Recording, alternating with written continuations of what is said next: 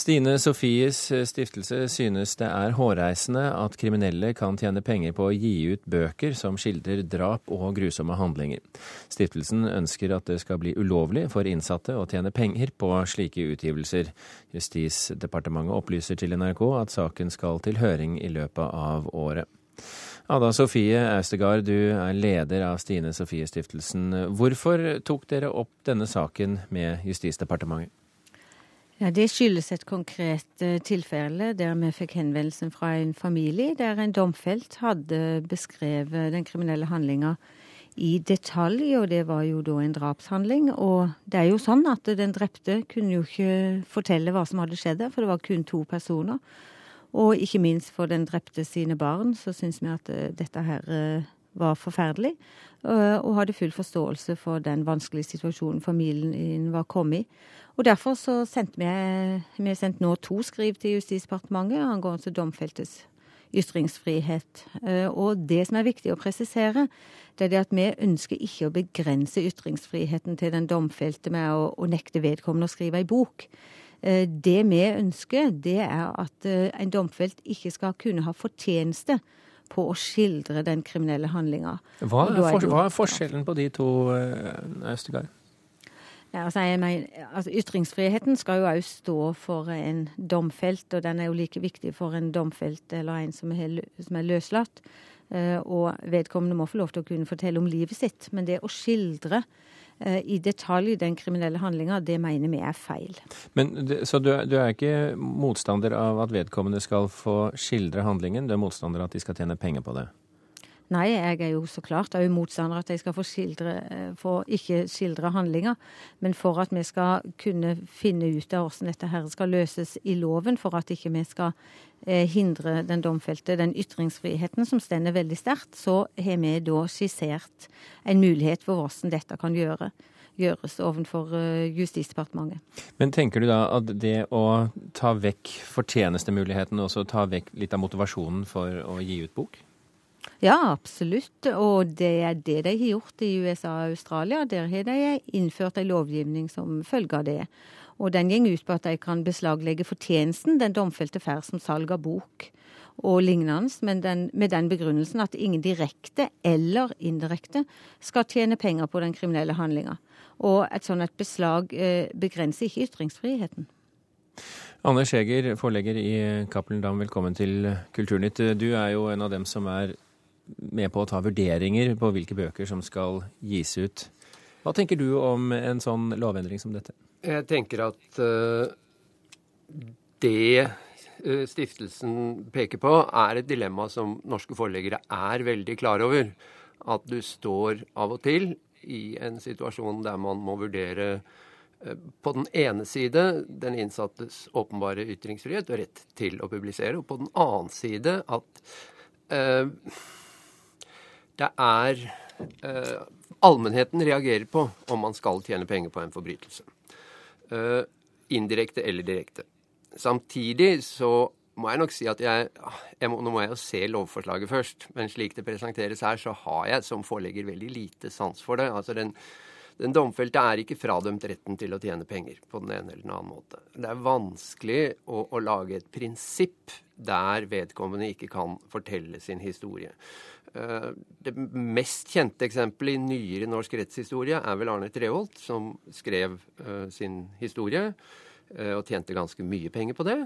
Og, ja, Men Arne Treholt tok ikke livet av noen? Nei, men da må, man, da må du inn og vurdere den enkelte Altså, Det jeg mener er at disse spørsmålene er av en sånn art at man må nesten diskutere det ved hvert enkelt eksempel. Jeg vet ikke hvilket eksempel det er du refererer til, men, men, man må ta hver enkelt bok og se på dem for å se om utgivelsen er forsvarlig eller ikke. Det, jeg snakker nå ikke om den er forbudt eller ikke, men om den er etisk forsvarlig eller ikke. Autegard, eh, hvem, eh, hvem er best egnet til å ta disse moralske avgjørelsene, eh, slik du ser det? Nei, det er jo de som familien til eventuelt er avdød. Og det er jo klart, jeg syns ikke vi kan sammenligne dette med Treholt-saken, for Nei, det er noe helt må, annet. Men, men det som jeg er opptatt av Et øyeblikk. Ja, men det, det, som er viktig her, det er det at det finnes ingen Vær varsom-plakat for et forlag eller for en redaktør. Det finnes ikke ordentlige rutiner for å vurdere om åssen ei sånn bok vil virke støtende på noen enkeltmennesker og familier som da vil bli ramma. Og, og, jeg må jo ærlig innrømme at jeg har ikke tiltro til at uh, norske forlag tenker uh, av etiske og, grunner at de da beslutter at de ikke skal gi ut en bok når de ser at her kan de få profitt. Hvorfor, hvorfor, hvorfor, tror du ikke på forlagene? At de kan gjøre de viktige moralske avgjørelsene? Vi lever jo i et samfunn at der et forlag kan si at her er det en forbryter som, eh, som har gjort noen grusomme handlinger. Dette, her er det stor interesse for å høre hva denne forbryteren hvordan han vil skildre sin kriminelle handling. Og de vet at det blir et godt salg, og da tenker de profitt, og de tenker ikke etikk. Altså, du, du, trenger ikke svare for alle? Nei, jeg svarer ikke for alle, og, og jeg føler meg overhodet ikke rammet personlig. sånn at jeg, kan, jeg føler at jeg kan diskutere de prinsipielle greiene i dette, ikke enkeltsaken. Og da er man nødt til å ta også eksempler som der det sies f.eks. Ja, ja, men jeg tenker selvfølgelig ikke på det. Ja, men det er når man lager en lov, så vil den ramme generelt. Det er jo det som er poenget. Og, og man må på en eller annen måte, hvis man skal lovregulere det, uh, finne frem til et prinsipp som er allmenngyldig. Uh, et annet eksempel er jo de Orderud-innsatte, som helt sikkert kan tenkes å skrive en dag det vil være opp til hvorledes ja, boken ser ut. Jo, men jeg skjønner at det ikke ja, akkurat er disse du tenker på. Et lite, ja, men, et, et lite øyeblikk, Østegård. La, la Hege snakke ferdig. sa i stad at det må være de etterlatte som vurderer om boken kan komme ut eller ikke. Det kan man jo ikke lovregulere. Eller er det slik at man ved en bokantakelse ifølge loven skal la de etterlatte vurdere dette? Jeg forstår at det kommer bøker som folk reagerer voldsomt på både etisk og prinsipielt. Men derfra til å si da må det gjøres forbudt, det er et prinsipp som står ja, Det var bare inntjeningen som var forbudt? Ja, ja. Men, men altså, inntjening man, man, kan jo ikke fradømme folk retten til å tjene penger heller. Østegard? Nei, men ja, jeg må bare si at de eksemplene du kommer med, sånn som Orderud-saken Her er det jo noen som hevder at de er uskyldig dømt. Og de vil jo da ikke kunne skildre den kriminelle handlinga.